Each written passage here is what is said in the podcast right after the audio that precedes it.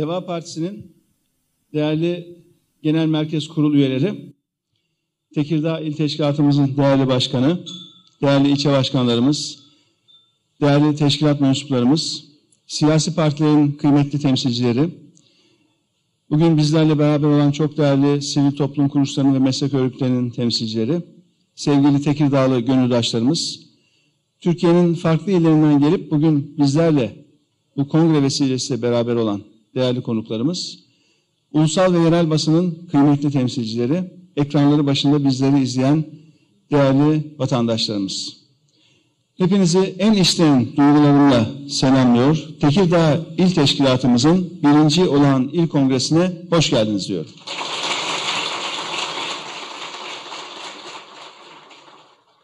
Üç Kemaller Diyarı'nda sizlerle beraber olmaktan büyük mutluluk duyuyorum. Hani eski Tekirdağ mesubumuz usta edebiyatçı Yahya Kemal demiş ya, mektepten memlekete gitmek lazım. İşte biz değerli arkadaşlar mektebi de biliriz, memleketi de biliriz. İşte her gün memleketteyiz. Sizlerin parlayan gözlerinden güç alıyoruz. Bu sabah Çorlu'daydık, bugün Tekirdağ merkezdeyiz. Merhaba Tekirdağ diyorum, merhaba mavi gözlü şehir diyorum.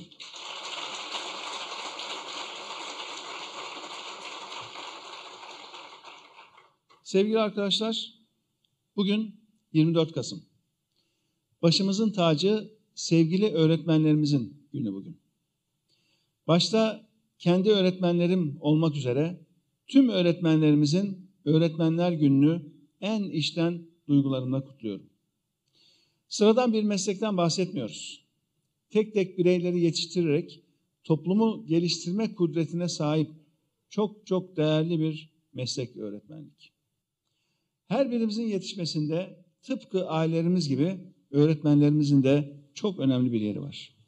Bugün de öğretmenlerimiz pandemi döneminde bu ülkenin yarınları etkilenmesin, çocuklarımız eğitimsiz kalmasın diye canla başla çalışıyorlar.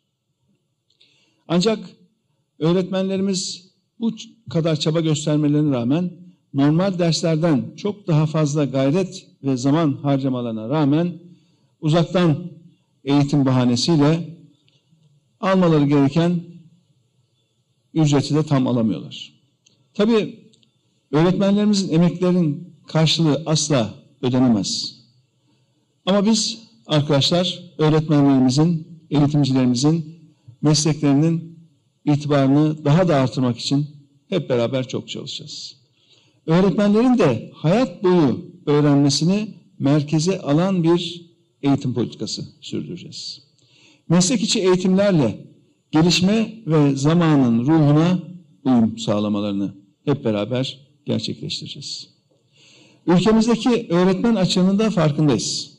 Bu pandemi döneminde özel okullarda çalışan eğitimcilerimizin de ciddi sorunlar oldu. Bunları da üzülerek görüyoruz.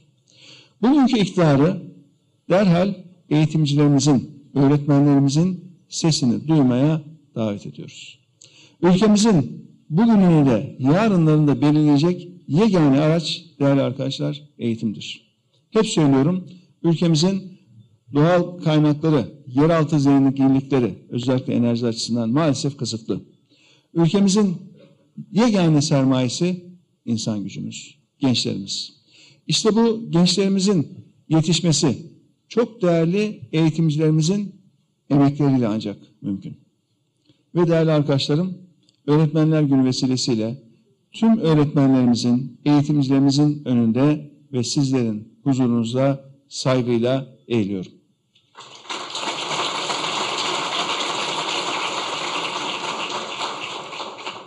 Değerli arkadaşlar, biliyorsunuz şu pandemi döneminde her alanda problemler yaşandı. Eğitimde de maalesef sıkıntılar var. Eğitim konusu da becerilemedi, sağlığı da beceremediler. Sağlık çalışanlarımız ülkenin bu Covid-19 salgınını en hafif bir şekilde atlatabilmesi için canla başla çalışıyorlar. Can kayıplarını önlemek için adeta kendilerini büyük bir riske atıyorlar, büyük fedakarlık gösteriyorlar. Bu hükümetin kendilerine reva gördüğünü maalesef görüyorsunuz, takip ediyorsunuz. Doktorlarımızın meslek örgütleri karalanıyor, tehdit ediliyor. Canları pahasına icra ettikleri meslekleri adeta değersizleştiriliyor. Sırf beğenmedikleri sözleri söyledikleri için Türk Tabipler Birliği'ne de hain dediler. Biliyorsunuz bu da bir huy haline geldi. ha? Hain demek. Ne zaman birinin fikrini beğenmeseler, ne zaman birileri onlara yanlış yapıyorsunuz diye uyarsa hemen ellerini alıyorlar. Hazırda beklettikleri bir damga var. Yapıştırıyorlar hain diye.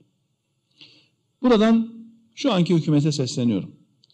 Koronavirüs sağlık çalışanlarımız için mutlaka bir meslek hastalığı sayılmak, meslek hastalığı olarak değerlendirmek zorunda. Çalışma koşullarının iyileştirilmesi lazım. Ek istihdamla çalışma koşullarının mutlaka insanileştirilmesi lazım. Değerli arkadaşlarım, dedim ya, maalesef şu anda sağlığı da yönetemediler, yönetemediler, eğitimi de yönetemiyorlar. Uzaktan eğitimi de beceremeyip maalesef çocuklarımızda büyük mağduriyetler oluştu. Hele hele gelir seviyesi düşük aileler ve o ailelerin çocukları bu uzaktan eğitim döneminde büyük bir mağduriyet yaşıyorlar. Kolay değil. Her evde internet bağlantısı yok. Her aile o internet bağlantısını ödeyebilecek güçte değil. Hele hele böyle üç çocuğu, dört çocuğu olan aileler, hepsi de öğrenciyse, hepsinde aynı anda internete bağlanarak eğitimlerini görmeleri gerekiyorsa, bu geliri düşük aileler için gerçekten çok büyük bir mağduriyet oluşturuyor. Pandemi öncesinde de zaten yapboza çevrilen eğitim sistemi yüzünden ülkemiz maalesef dünya sıralamalarında çok gerilerde. Türkiye Uluslararası Öğrenci Değerlendirme Programı sonuçlarında baktığımızda o listelerin hep en sonunda yer alan bir ülke. Üniversite mezunları bugün ülkemizde iş bulamıyor. Engelli çocuklarımızın eğitime erişimi zaten çok sınırlıydı ve ülkemizde kayıt altında olan her 100 engelli çocuğumuzun sadece 13'ü şu anda eğitim alabiliyor idi pandemi öncesinde. İşte bu eğitime erişebilen özel gereksinimleri olan çocuklarımız ve aileleri de şu anda ciddi bir mağduriyet yaşıyorlar. Ama değerli arkadaşlar, Türkiye'nin hiçbir problemi çözümsüz değil. Çünkü Türkiye çaresiz değil. Eğitim ve rehabilitasyon hizmetlerinin iyileştirilmesi mümkün. Rehabilitasyon merkezlerinin güçlendirilmesi şart. Çocuklarımızın ne yapamadıklarına değil, neler yapabileceklerine bakarak sistemi kurgulamamız gerekiyor. Ekonomik imkanları sınırlı ailelerin çocuklarının akranlarıyla fırsat eşitliği oluşturacak şekilde haklardan faydalanmalarını sağlamamız gerekiyor. Çocuğa ve aileye sosyalleşme imkanları sağlayacak, bakım ve kreş evleri açacak ailelerin günlük ihtiyaçlarını karşılamalarına yardımcı olacak, ihtiyaç halinde de bakımının devamını sağlayacak bir sistemi kurmak zorundayız. Buradan bir kere hatırlatmak istiyorum. Deva Partisi engelli kotası olan tek parti şu anda Türkiye'de. Biz engelsiz hayat, engelsiz siyaset için çalışmaktan vazgeçmeyeceğiz. Bakın bugün bizim Tekirdağ'da merkez ilçe başkanımız kendi konusunda çok başarılı bir e, kadın ilçe başkanımız ve biraz önce fotoğrafta hep beraber gördünüz. Türkiye'de bir başka örneğini ben bilmiyorum ki e, engelli kadın ama kendi konusunda çok başarılı bir başka siyasi partinin böyle ilçe başkanı olsun. Bizim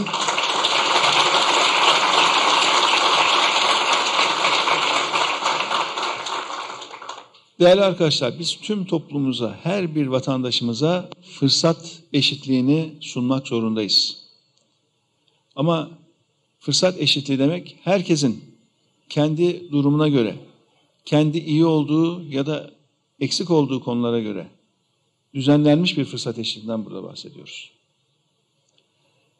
Toplumumuzun farklı kesimlerinden gelen insanların, farklı özelliklere sahip olan insanlarımızın herhangi bir yarışta, devlete işe girmekte, siyasette, terfide, üst düzey görevlendirmelerde mutlaka fırsat açısından baktığımızda eşit konuma getirecek bir sosyal devlet anlayışını bu ülkede hakim kılmamız gerekiyor. Değerli arkadaşlarım, pandemi dedik, eğitim sisteminden bahsettik. Tüm bu saydıklarımız kuşkusuz ekonomiyi de derinden etkileyen hususlar. Eğitim sisteminin bir de görünmeyen, hiç hesaba katılmayan, eğitime bağlı hizmet üreten sektörler var arkadaşlar.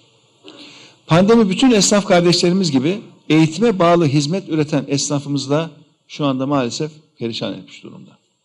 Okulların kapanması ve uzaktan eğitime geçilmesiyle kırtasiyeciler, kantinciler, özel yurtlar, servis taşımacılığı ve şoförlüğü yapan herkes şu anda etkilenmiş durumda.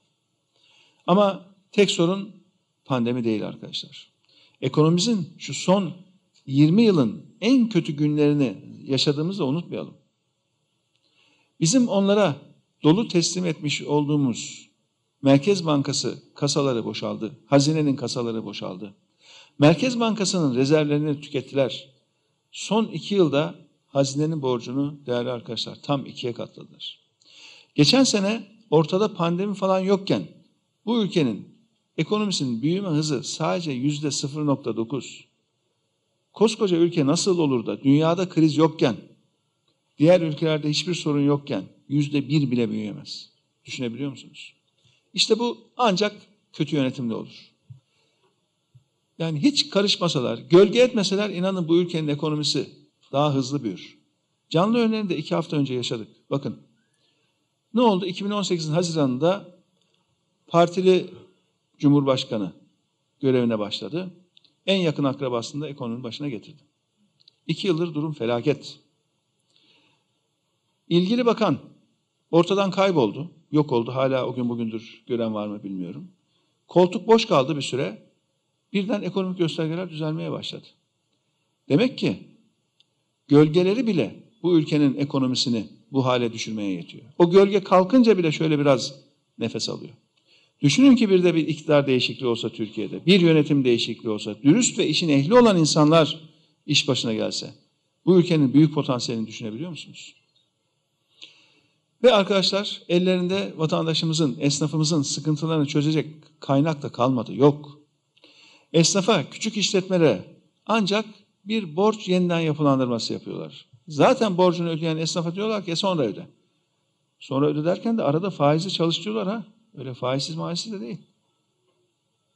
Hani zamanında faizi diye, faiz lobisi diye bütün etrafı suçlayanlar şimdi esnafın o kredisini yeniden yapılandırırken orada faizle yine çalıştırmaya devam ediyorlar.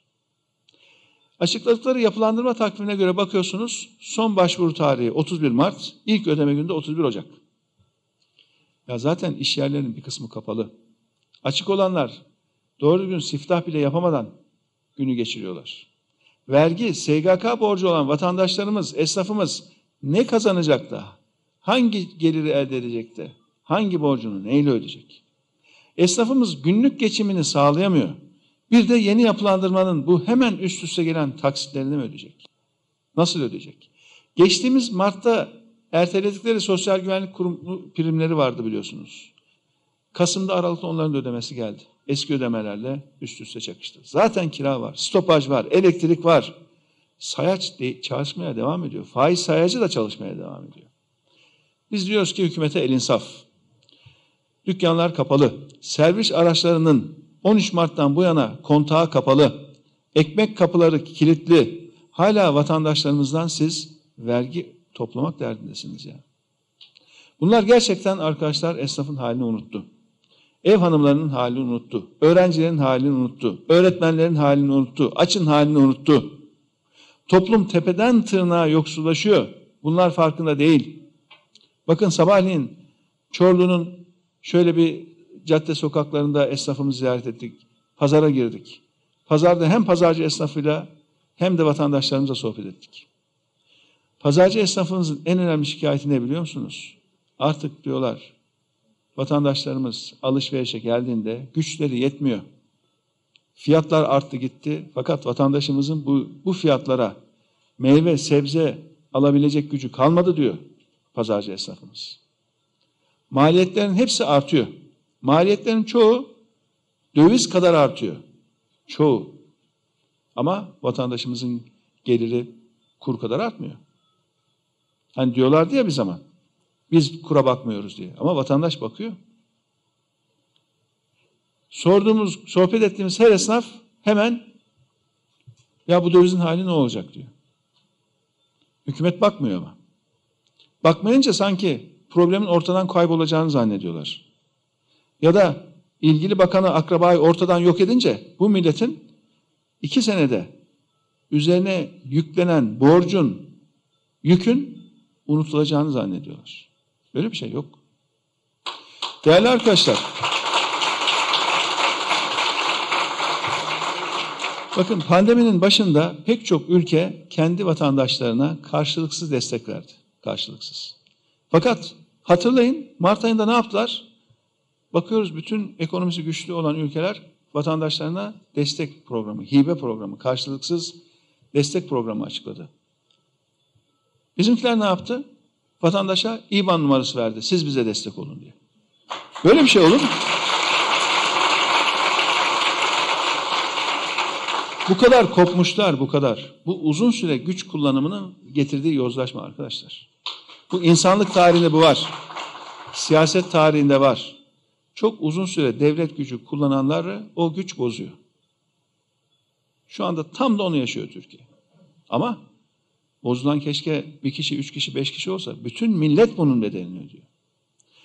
Salgın nedeniyle canın derdiyle uğraşan vatandaşlarımızın adeta yakasına yapışıyorlar. Vergi, vergi, SGK primleri diye yet bir de devlete yardım et diyorlar.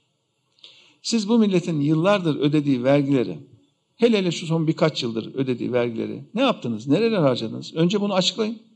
Yakın akraba bakanı ortadan kaybetmekle, 3-5 adamı değiştirmekle bu hesabı kapatamazsınız. Bu hesabı kapatmanıza biz izin vermeyiz. Sürekli hatırlatacağız, sürekli konuşacağız.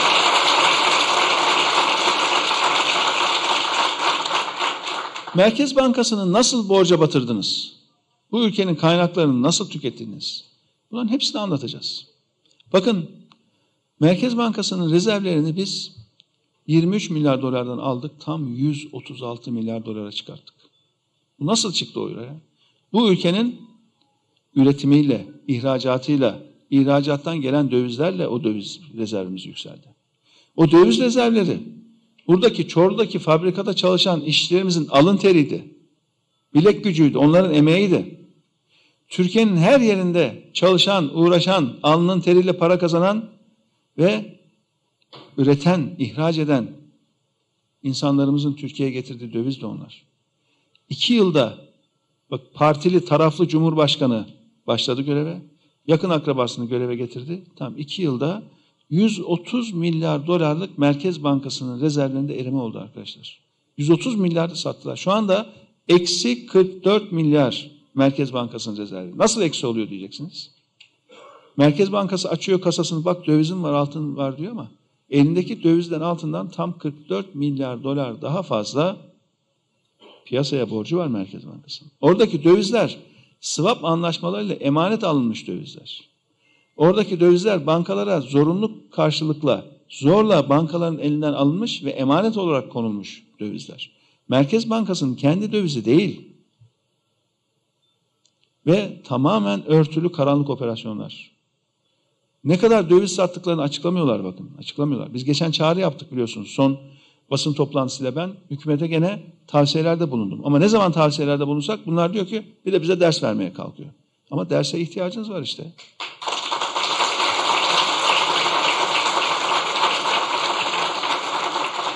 Olan sadece size olmuyor ki. 84 milyon ülke bundan zarar görüyor. Değerli arkadaşlar, bak böyle olmaz. Böyle devlet yönetilmez. Bu milletin ne halde olduğunu bilmeden devlet yönetilemez. Bize ders vermeyin diyorlar ama çok derse ihtiyaçları var. Bunları söylemek zorundayız. Çünkü esnafı bilmiyorlar, koptular. Ev ödevlerini ellerine tutuşturuyoruz. Daha ne istiyorlar ki? Bakın biz sadece eleştirmiyoruz. Sadece problemleri ortaya koymuyoruz. Çözümleri de ortaya koyuyoruz. Çözümleri de söylüyoruz. Alın, öğrenin diyoruz. Yıllarca ekonomiyi yönetmiş bir kardeşiniz olarak söylüyorum. Yapılacak şey çok açık. derhal ama derhal küçük işletmelerin tüm vergi, stopaj ve SGK prim ödemelerinin bu pandemi bitene kadar ve pandeminin etkisi de bitene kadar ertelenmesi lazım.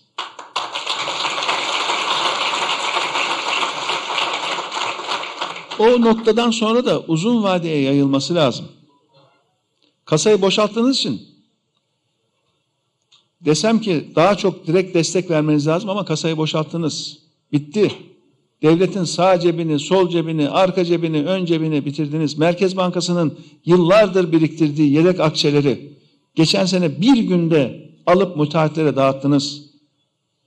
Bu yılın yedek akçesini daha Ocak ayında biriken, biriktiği anda hemen dağıttınız, bitirdiniz, tükettiniz. Şu anda tam da işte esnafımıza, küçük işletmelere, günlük yevmiye ile geçinen, bütün çalışanlarımıza, sanatçılarımıza, kayıt dışı çalışanlara dahi doğrudan destek verilmesi gereken bir dönemden geçiyoruz. Şu anda bütün dünya bu krizi böyle atlatıyor. Ve değerli arkadaşlar, bu kredi borçları var ya kredi borçları. Böyle Ocak'ta hemen taksit başlatıyorlar. Ya Ocak daha sayılı gün çabuk geçiyor. Aramızda iş dünyasından arkadaşlar da var. Ocak dediğin yarın. Erteliyoruz diyor, Ocak'ta tekrar ödemeye başlatıyor. Bunlar bilmiyor. Bakın inanın, inanın, herhangi bir bakkalın manavın yanında çok fazla değil, iki ay çıraklık yapmış bir insan bu hatayı yapmaz yani. Bunu yapmaz yani.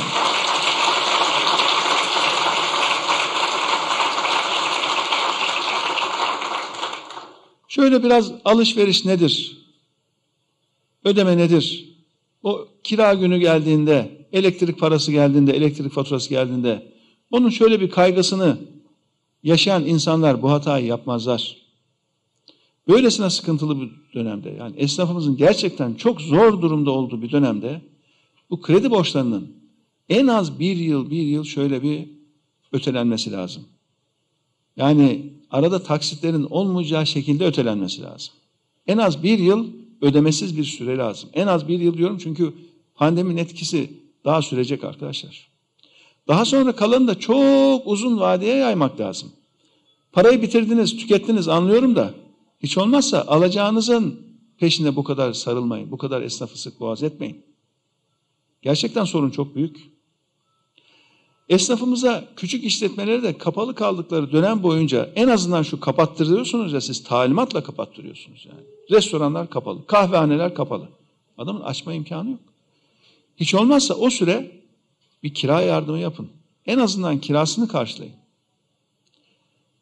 Şimdi ancak değerli arkadaşlar böyle bir yaklaşımla bu esnafımız rahatlayacak.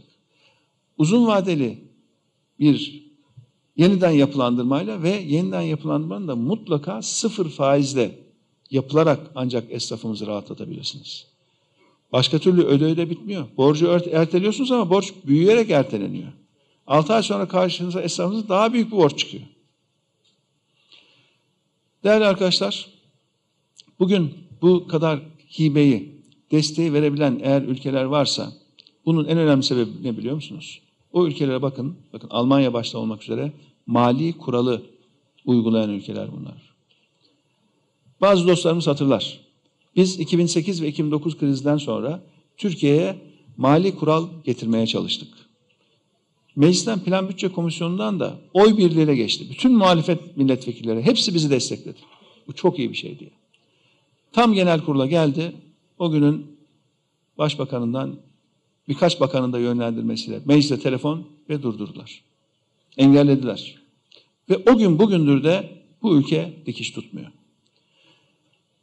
Değerli arkadaşlar, bakın eğer bugün Türkiye'nin bir mali kuralı olsaydı, şu anda çok rahat bir şekilde Merkez Bankası Türk lirası üretirdi.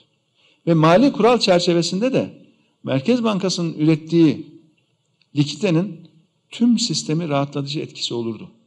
Çünkü mali kural o likitenin ne zaman nasıl normale döneceğini de tanımlayan bir kural da aynı zamanda. Bunların hiçbirini yapmadılar. Ve şu anda bunun maalesef ağır bedelini bu ülkenin insanları ödüyor. Ben buradan tekrar hükümete sesleniyorum. Bakın tüm bu salgının maliyetini tek başına bu vatandaşın üzerine yıkamazsınız. Devlet olmanın da bir sorumluluğu var. Şu anda vatandaşlarımızın sizin zamanında engellediğiniz iyi işleri, yaptığınız yanlışlıkların bedelini ödüyor. Şu an eğer ekonomimiz kötü durumdaysa sadece ve sadece kötü yönetim sebebiyle böyle inanın. Sadece kötü yönetim. Vatandaşlarımızın bunda bir kusuru yok. Vatandaşlarımızın söylediği ifade ne biliyor musunuz? Dolaşıyoruz. Her ilde dolaşıyoruz. 30'a yakın ili gezdik bugüne kadar.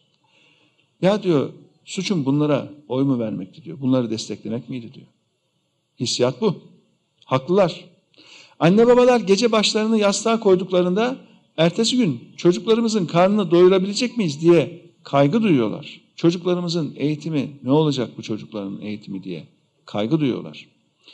Değerli arkadaşlar bu kaygı dolu günlerinde inşallah sonu yaklaşıyor. Çünkü bu iş bilmez yönetimin sonu yaklaşıyor. Bu hükümet artık miadını dolduruyor. Artık Türkiye'nin bir devası var. Deva Partisi hazır ve biz emaneti teslim almaya yürüyoruz inşallah.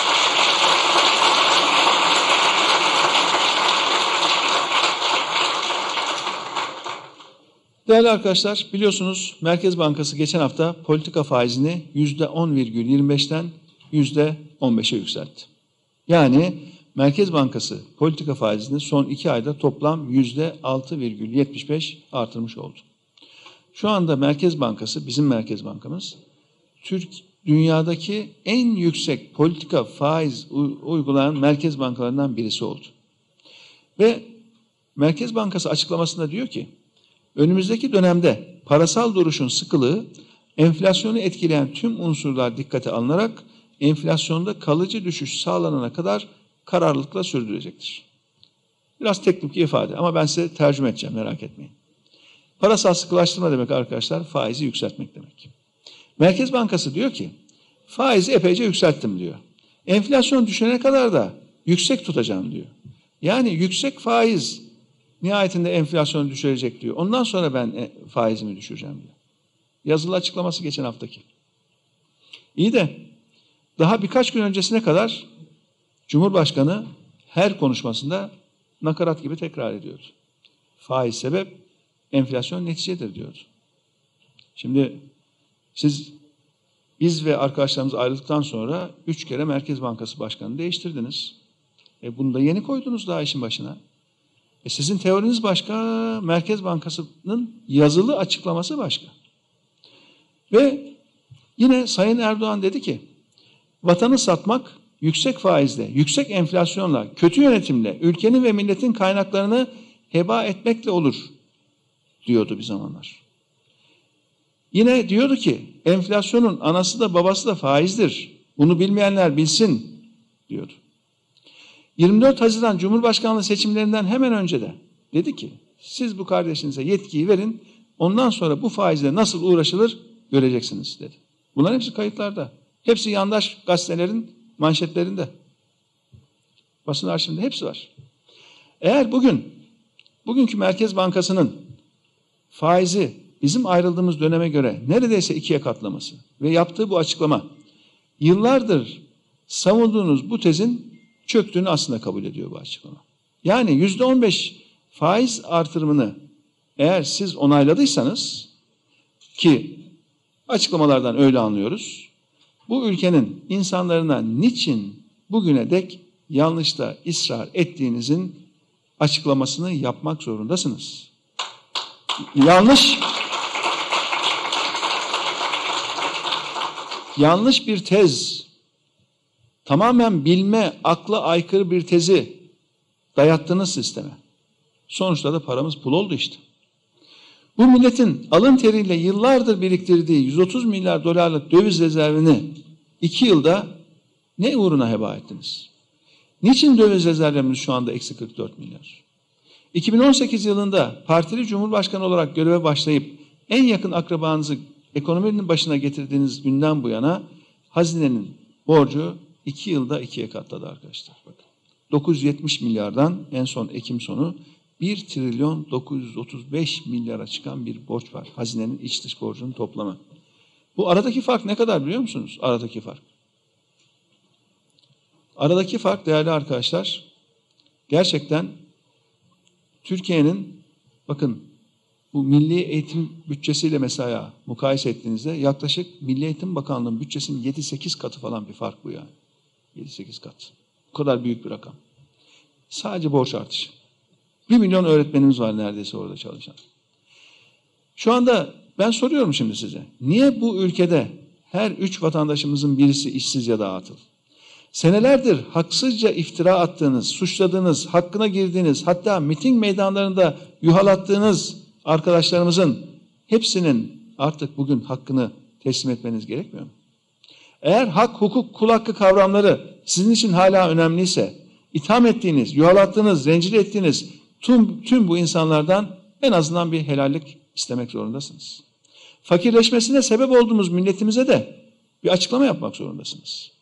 Bizi doğmamış çocuklarımıza kadar neden fakirleştirdiğinizi, neden gençlerimizin umutlarını kararttığınızı açıklamak zorundasınız. Adeta kibrit çakıp yakılan 130 milyarlık döviz rezervinin hazinenin 1 trilyon 935 milyar liraya çıkan borcunun yaşanan kayıpları, mağduriyetleri açıklamak zorundasınız. Siz bu halkı hatırlamıyor, bilmiyor, görmüyor mu sanıyorsunuz? Ama yanılıyorsunuz. Hatırlamayan birileri varsa o da sizlersiniz. Siz bu halkı unuttunuz, sorun orada. Bir zamanlar hizmetkarı olacağınızı söylediğiniz halkımıza artık efendi olmaya kalkışıyorsunuz. Sorun orada. Bugün sokaktaki hayatla, insanların şikayetiyle, ekonominin gerçekliğiyle artık aranızdaki bağ kopmuş gitmiş. Ama halkımız hatırlıyor. Çünkü hatalarınızın bedelini halk ödüyor. Onlar bunu yaşıyor fiilen. Belki şu andaki hükümette yönetimde olan küçük bir grubun hayat tarzında bir değişiklik olmadı. Onları bu kriz etkilemedi. Ama geniş kitleler bunu hissediyor, günlük hayatında yaşıyor. Sokaktaki vatandaşımız sürekli sürekli olarak makyajlayarak açıkladığınız enflasyon rakamlarının gerçek olmadığını gayet iyi biliyor. Sizin meydanlarda vatanı satmak, yüksek faizle, yüksek enflasyonla, kötü yönetimle ülkenin ve milletin kaynaklarını heba etmekle olur diye konuştuğunuz da hatırlıyor. Arkadaşlarımıza olmadık iftiralarla faizi imazı yaptığınız da hatırlıyor. Ama bir şey daha hatırlıyor halkımız. Ben ve arkadaşlarımızın işin başında olduğu dönemdeki ülkemizdeki refahı hatırlıyor. Ülkemizdeki satın alma gücünü hatırlıyor. Gençlerimizin bu ülke için kurduğu hayalleri vatandaşlarımız hatırlıyor. Bizim dönemimizdeki politika faizinin neredeyse şu anda iki katı faizin uygulandığını halkımız görüyor. Gerçeklerin üstünü örtebileceğinizi, halkın gözünü boyayabileceğinizi sanmayın. Bu olmayacak. Yapamazsınız. Türkiye, TÜİK'in makyajlama odasından yönetilmez, yönetilemez. Yıllarca ekonomiyi yönetmiş bir kardeşiniz olarak ben de bir şeyi hatırlatmak istiyorum. Çok değil. İki hafta öncesini hatırlatmak istiyorum. Bakan olarak görevlendirdiğiniz akrabanızın ortadan kaybolmasıyla milletimizin ödediği bu ağır bedelin sorumluluğu böyle buharlaşmaz, ortadan kalkmaz. İki kişiyi değiştir, yoluna devam et. Peki ödenen bedel ne olacak? Bakın ben ve arkadaşlarım görevden ayrıldığımız yıl bu ülkenin toplam faiz ödemesi arkadaşlar 53 milyar lira. 53. Bu yıl ne, bu, bu yılın bütçesinde yani şu anda mecliste görüşülen bütçede 2021 için öngörülen faiz ödeneği 179 milyar lira. 53'ten 179'a. Aradaki fark 124 milyar. Şu andaki Milli Eğitim Bakanlığı'nın toplam bütçesi arkadaşlar 125 milyar zaten. Bakın düşünün. Eğer faiz ödemeleri artmasaydı, devletin faiz ödemeleri bu kadar artmasaydı, aradaki farkı Milli Eğitim Bakanlığı'nın bütçesi kadar bir bütçe daha oluşturabiliyordunuz. Bir milyon öğretmenimizin gelirini ikiye katlayabiliyordunuz. Ama şimdi ne yapıyorsunuz siz onu? Faiz diye sağa sola dağıtıyorsunuz. Niye dağıtmak zorunda kalıyorsunuz? Kötü yönetiminiz sonundan sonucu olarak dağıtmak zorunda kalıyorsunuz. Ve şöyle bakın arkadaşlar, dene yanıl, dene yanıl. U dönüş yap. Bir bakıyorsunuz Şangay Beşlisi, bir bakıyorsunuz Avrupa Birliği. Takip edenlerin başı dönüyor. Bu kadar hızlı U dönüşleri, bu kadar 180 derece dönüşler. Ve dış politikada deneme yanılmalar, güvenlik politikasında deneme yanılmalar, ekonomide deneme yanılmalar Adeta koskoca ülke bunların deneme tahtası haline geldi. Koskoca ülke, koca bir laboratuvar, bu ülkenin vatandaşları da neredeyse sizin kobayınız haline geldi. Biz bunu kabul etmiyoruz. Kabul etmeyeceğiz. Kusura bakmayın.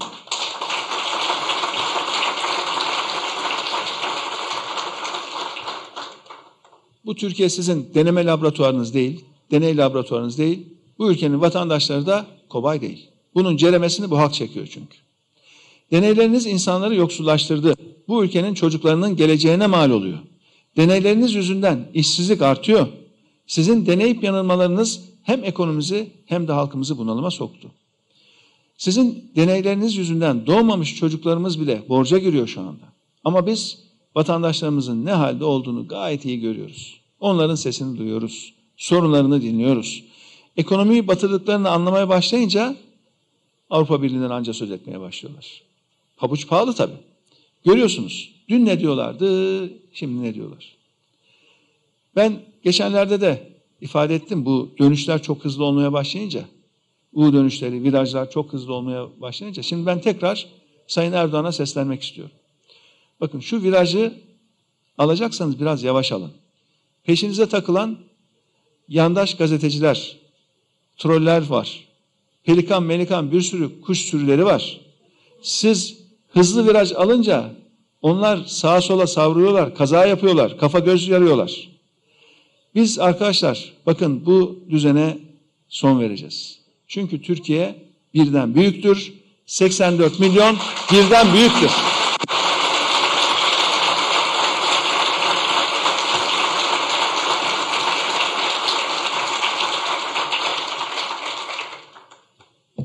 Sevgili arkadaşlarım, Tekirdağ'ın bu güzel şehrimizin, bu güzel ilimizin sorunlarını görüyoruz, duyuyoruz, biliyoruz.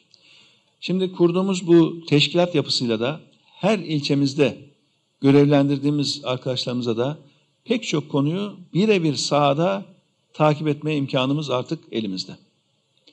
En küçük bir gelişmeyi anında değerlendirip gelen öneriler, çözüm önerileriyle beraber değerlendirip proje üretme kapasitesinde şu anda hızla oluşturuyoruz. Tekirdağ tarihi, denizi, doğası, tarım alanları, turizmi, sanayisiyle belki de Türkiye'nin en sorunsuz illerinden biri olması gerekir. Ama burada bile maalesef sıkıntılar büyük.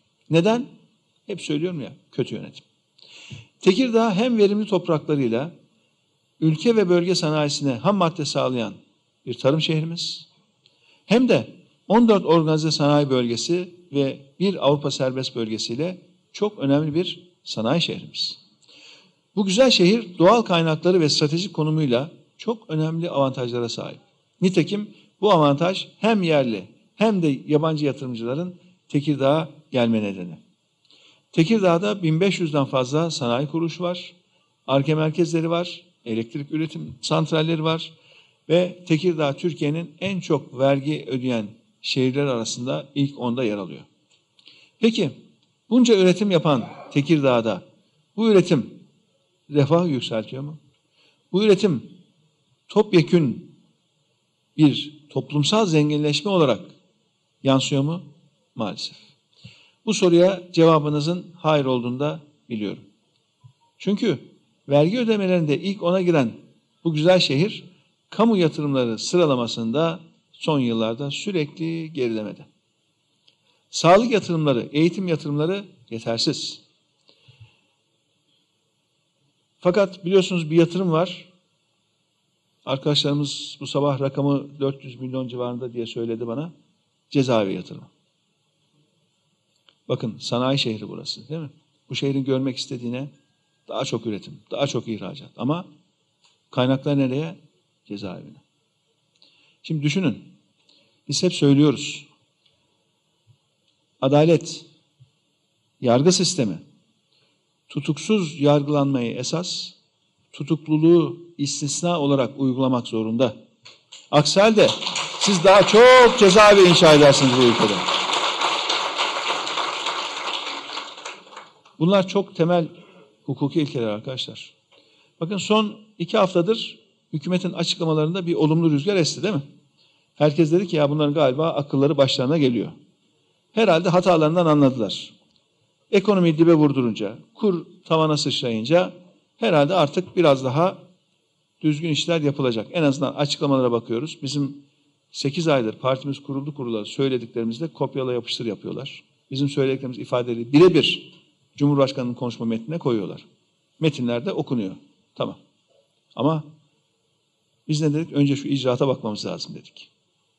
Nitekim tutuklu yargılanmayla ilgili konularda şu anda yüksek istişare üyesi olan bir kişinin kendi şahsi görüşleriyle ilgili bir açıklaması oldu.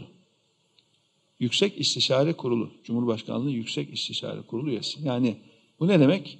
Şöyle kafa kafaya verip istişare edeceği bir tecrübeli bir heyet değil mi? Topu topu herhalde 7-8 kişi falan var.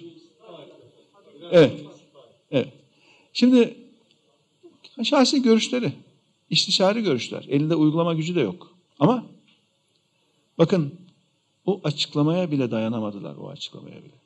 Ya bir iki kişinin tutuksuz da yargılanabileceğinden söz etti. O kadar. Halbuki bütün bu olanlardan, bütün bu ülkenin fakirleşmesinden, ekonomide şu yaşadığımız krizden ders alması gereken bir hükümetin şu anda tam tersine ya biz galiba yanlış yaptık. Şu yargıyı biraz rahat bırakalım.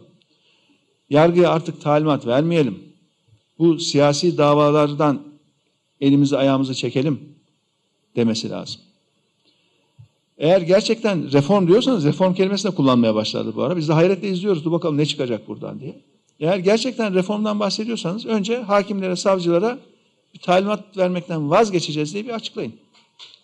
Ve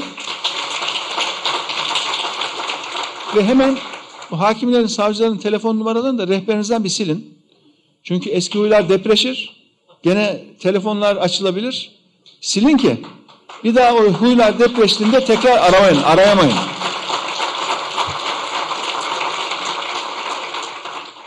De, gerçekten değerli arkadaşlar çok üzücü. Tekirdağ gibi bile yeni cezaevi. Halbuki Tekirdağ Türkiye'nin en hızlı büyüyen şehirlerinden birisi. Altyapı yatırımlarının bu hızlı büyümeye göre de planlanması gerekiyor. Kentleşmenin bu hızlı büyümeye göre planlanması gerekiyor. Biz tüm bunlara uygun planlamalarla Tekirdağ'ın gelişiminin önünü açacağız arkadaşlar. Çünkü şehircilik demek önceden planlama demek. Şehircilik nerede hangi rant projesi var? Rant projesi varsa hemen emsal değiştirelim. Orada şöyle yüksek kat verelim. Değil. Şehircilik demek şehrin büyümesinin önünde gitmek demek. Şehrin büyümesinin arkasından yetişememek değil. Bu. Ve değerli arkadaşlar bakıyoruz. Tekirdağ'da sanayi de güçlü, tarım da güçlü ama sanayi ürünün fiyatları seneler içinde tarım ürünlerinin fiyatlarından yüksek, daha hızlı yükseliyor. Ve tarımla uğraşan vatandaşlarımızın gelirleri de bundan olumsuz etkileniyor. Bakıyoruz köylümüz artık asgari ücretle bir fabrikada çalışabilir miyim diye arayışa geçmiş durumda. Tarlalarında eğer denk gelirse inşaat rantçılar hemen toplayıveriyor. Ve köylümüz fakirleştikçe değerli arkadaşlar şehre göç artıyor. Köy okulları kapanıyor. Yeni konut imarlarının verimli topraklar üzerine verilmemesi gerekiyor. Verimli toprakta siz tarım yapacaksınız. Verimli toprakların korunması gerektiğine ve özellikle Ergene'nin temizlenip tarımın tüm Trakya'ya sıhhatli bir şekilde yaygınlaşmasını, iyi bir tarım teknolojisiyle beraber yaygınlaşması gerektiğini düşünüyoruz. Değerli arkadaşlar, Tekirdağ Türkiye'nin pek çok yeri gibi deprem riski de taşıyor. Depreme ilişkin önlemlerin alınması ve kentsel dönüşümün de bir an önce yapılması şart. Sanayileşmenin bugüne dek plansız bir biçimde sürdürülmesinin yarattığı çevre sorunları var. Bu sorunların tespit edilmesi, ele alınması ve çözülmesi önemli. Çorlu ve Çerkezköy'deki sanayi tesislerinin çevre kirliliği açısından baktığımızda da gerekli önlemleri almaları lazım. Üretimin çevre hassasiyetiyle devam etmesi lazım. Yine değerli arkadaşlar Tekirdağ'ımızda Şarköy'de bulunan Mavi Bayraklı plajı, Kumbağ plajı, Kastro koyu, Isranca dağları, Karaçam ormanları, tabiat parkları, camileri, kiliseleri, müzeleriyle Marmara Denizi'nde kilometrelerce devam eden kumsalları ve yamaç paraşütü tutkunlarının uğrak yeri Uçmakdere Köyü ile gerçekten çok büyük bir turizm potansiyeli var bu ilimizde. Ancak bu potansiyel de yine aynı plansızlık nedeniyle tam olarak kullanılamıyor ve çevre sorunları da yine gerçek bir tehdit olarak karşımızda. Bu plansızlıklar yüzünden, bu altyapı eksiklikleri yüzünden Tekirdağ halkımızda sanayileşmeyi neredeyse kendine bir ceza olarak görmeye başlıyor. Tekirdağ'daki vatandaşlarımız bu üretkenliğin, bu çalışkanlığın karşılığında katma değeri daha yüksek ve dış ticarette daha fazla talep edilen ürünleri üretmek için desteklenmeyi hak ediyor. Üretimin çevreye duyarlı olarak yapılmasını, demiryolu ve liman kapasitesinin artırılmasını, şehrin imar edilmiş olmasında Tekirdağlılar hak ediyor. Tekirdağ halkı okulları, hastaneleri, sinemaları, tiyatroları, kültürel olanaklarıyla refah içerisinde yüksek standartlarda bir şehri hak ediyor. Tekirdağ'ın hak ettiği refaha ulaşabilmesi için aslında potansiyel hazır. Her şey hazır. Tek eksik yeni bir yönetim zihniyeti. Rantı değil, hayatı önceleyen, ayrışmayan, ayrıştırmayan bir yönetim zihniyeti.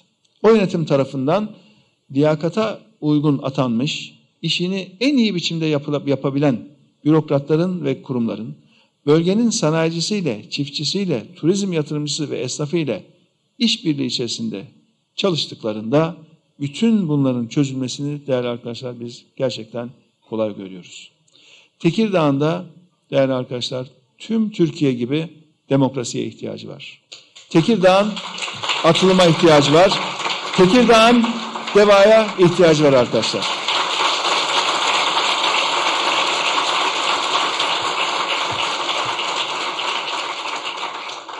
Ve Deva Partisi hazır. Tekirdağ hazır mı diye bir sormak istiyorum şimdi sizlere. Hazır mı?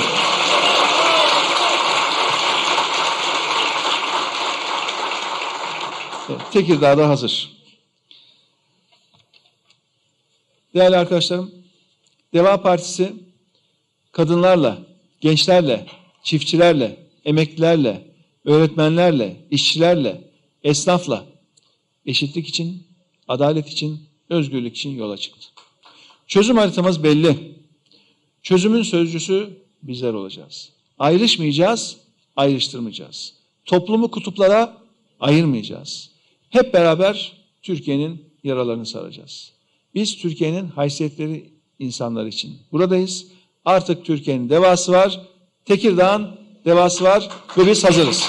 Hepinizi tekrar saygıyla, sevgiyle selamlıyorum. Sağ olun.